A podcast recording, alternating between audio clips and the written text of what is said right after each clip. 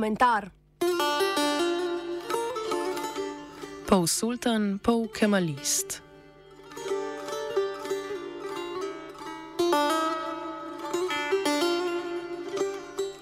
Nekdani predsednik vlade Združenega kraljestva John Russell je pred začetkom krimske vojne leta 1853 Osmansko cesarstvo zaradi vojaške in gospodarske nerazvitosti poimenoval bolnik ob Busporju. Edina legitimna naslednica tega nekoč mogočnega cesarstva, današnja Turčija, se je slabih 170 let pozneje znašla v položaju, ko bi lahko ta raslov vzdevek ponovno prišel v uporabo. Turčijo je namreč zajela huda gospodarska kriza. Medletna inflacija je avgusta presegla 80 odstotkov, turška lira vsak dan izgublja vrednost glede na evro in dolar. Gospodarska kriza kot vedno in posod najbolj prizadene običajne ljudi, torej tudi večino slabih 27 milijonov, ki so na predsedniških volitvah pred dobrimi štirimi leti na najvplivnejšo pozicijo v državi zopet izvolili Redžepa Tajipa Erdogana. Vendar petletni mandat mine hitro.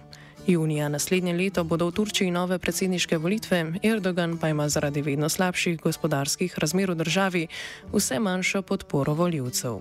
Zato se pojavljajo mnoga ugibanja, da bi lahko bil Erdogan po 19 letih vodenja države, najprej kot premijer, pozneje kot predsednik, primoran oblast predati.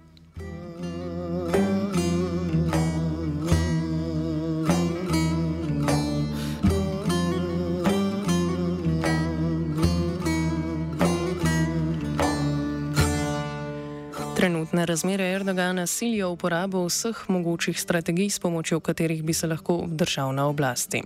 Najti je torej treba krivca za nastalo gospodarsko krizo in hkrati od krize preusmeriti pozornost. V zadnjih desetih letih sta v Turčiji krivca ponavadi dva. Gulenisti, podporniki nekdanjega Erdoganovega mentorja in danes smrtnega sovražnika Fetulaha Gulena, in pa, kot je to v Turčiji v navadni zadnjih 40 let, delavska stranka Kurdistana, krajše PKK. Najbolje sovraštvo do omenjenih dveh skupin po Evropi odmevalo, ko je Erdogan kot pogoj za vstop Finske in Švedske v Severnoatlantsko vojaško zavezništvo, znano kot NATO, zahteval izročitev domnevnih gulenistov in pripadnikov PKK Turčiji. Napad na ti dve skupini je torej način, s katerim naj bi Erdogan pokazal, kako mogočna je Turčija pod njegovo vladavino in da je gospodarska kriza zgolj posledica protidržavnega delovanja njegovih nasprotnikov, ne pa zgrešenih gospodarskih reform njegove vlade in trenutnih razmer na geopolitičnem prizorišču. Vendar kako drugače, kakor z diplomatskim izsiljevanjem določenih držav napasti goleniste, ki so razkopljeni po vsem svetu. Njihov vodja pa že 25 let živi v Pensilvaniji.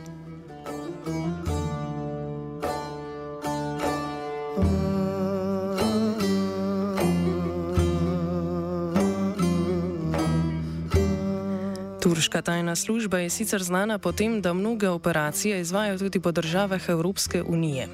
Naj spomnimo na umor treh članic kurdskega osvobodilnega gibanja v Parizu leta 2013. Ampak kaj, ko likvidacija tajne službe Erdoganu med turškim prebivalstvom ne bodo vrnile ugleda in zaupanja? Najti je treba res nekaj konkretnega, nekaj, kar zadeva, zadeva vsak dan prebivalcev turške države, nekaj, kar je tam, na Bližnjem vzhodu. Na Turčijo meji avtonomna administracija severne in vzhodne Sirije oziroma Rožava, kjer je etnično heterogeno prebivalstvo pod okriljem PKK uspelo vzpostaviti svoje oblastne strukture. Turška vojska in z njo povezane džihadistične milice si že zadnjih slabih deset let na različne načine prizadevajo, da bi pridobile oblast nad tem ozemljem, ki je sicer uradno še vedno del Sirije. Trenutno poteka operacija Krempljev prijem. Strategija te pa temelji na napadih z brezpilotnimi letalniki. Samo v avgustu je bilo takih napadov po podatkih medijskega centra Rožava Information Center skoraj 2000.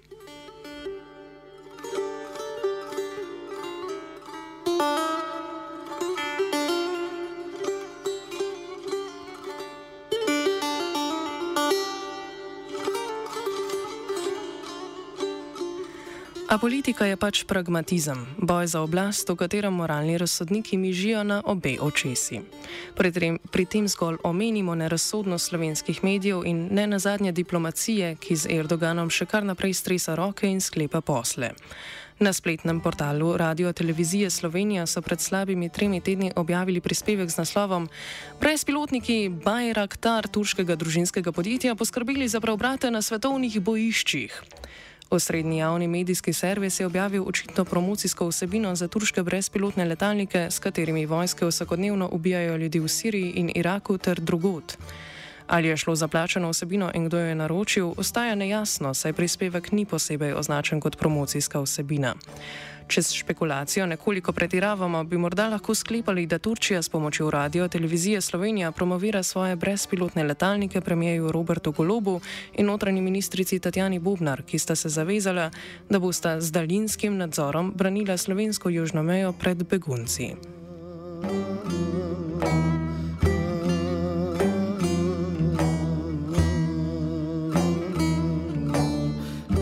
Nazaj k bistvu. Napadi z brezpilotnimi letalniki, ki jih izvaja Turčija, niso cilj sami po sebi. To še vedno ni tisto, kar se želi Erdogan, namreč vse splošni napad turške vojske na državo in ozemlje v severnem Iraku, ki so pod nadzorom s PKK povezanih skupin.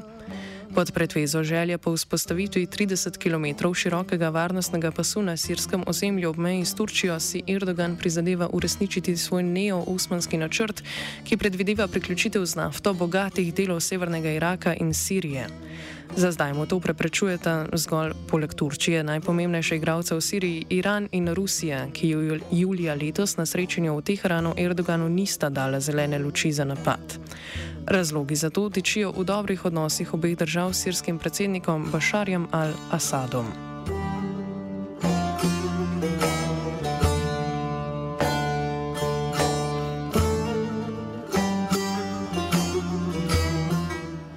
Toda zakaj bi napad na Rožavo sploh prepričal turško prebivalstvo, da je Erdogan tisti, ki je najprimernejši za vodenje države?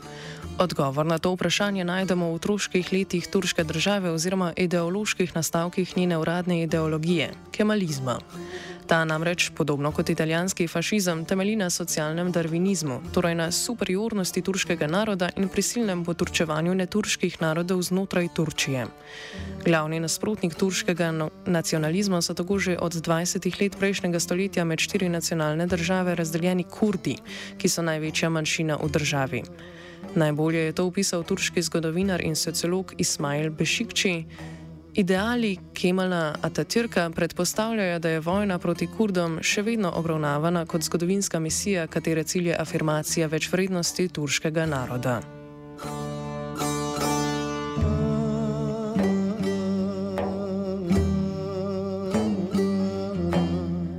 Erdogan bo torej voljivce skušal prepričati s povsem kemalistično metodo, kar se sicer ideološko ne sklada s smernicami njegove stranke pravičnosti in razvoj, ampak je del uradne ideologije njegove največje parlamentarne nasprotnice, kemalistične republikanske stranke. Erdogan voljivcev tako ne bo skušal prepričati z antisekularnim islamskim narativom, temveč je za obstanek na oblasti upregal enega od ideoloških stebrov, na katerem je zgrajena turška država.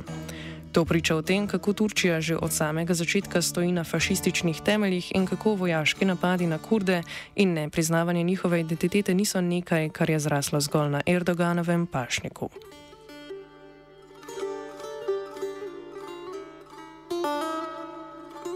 Komentiral je Fin.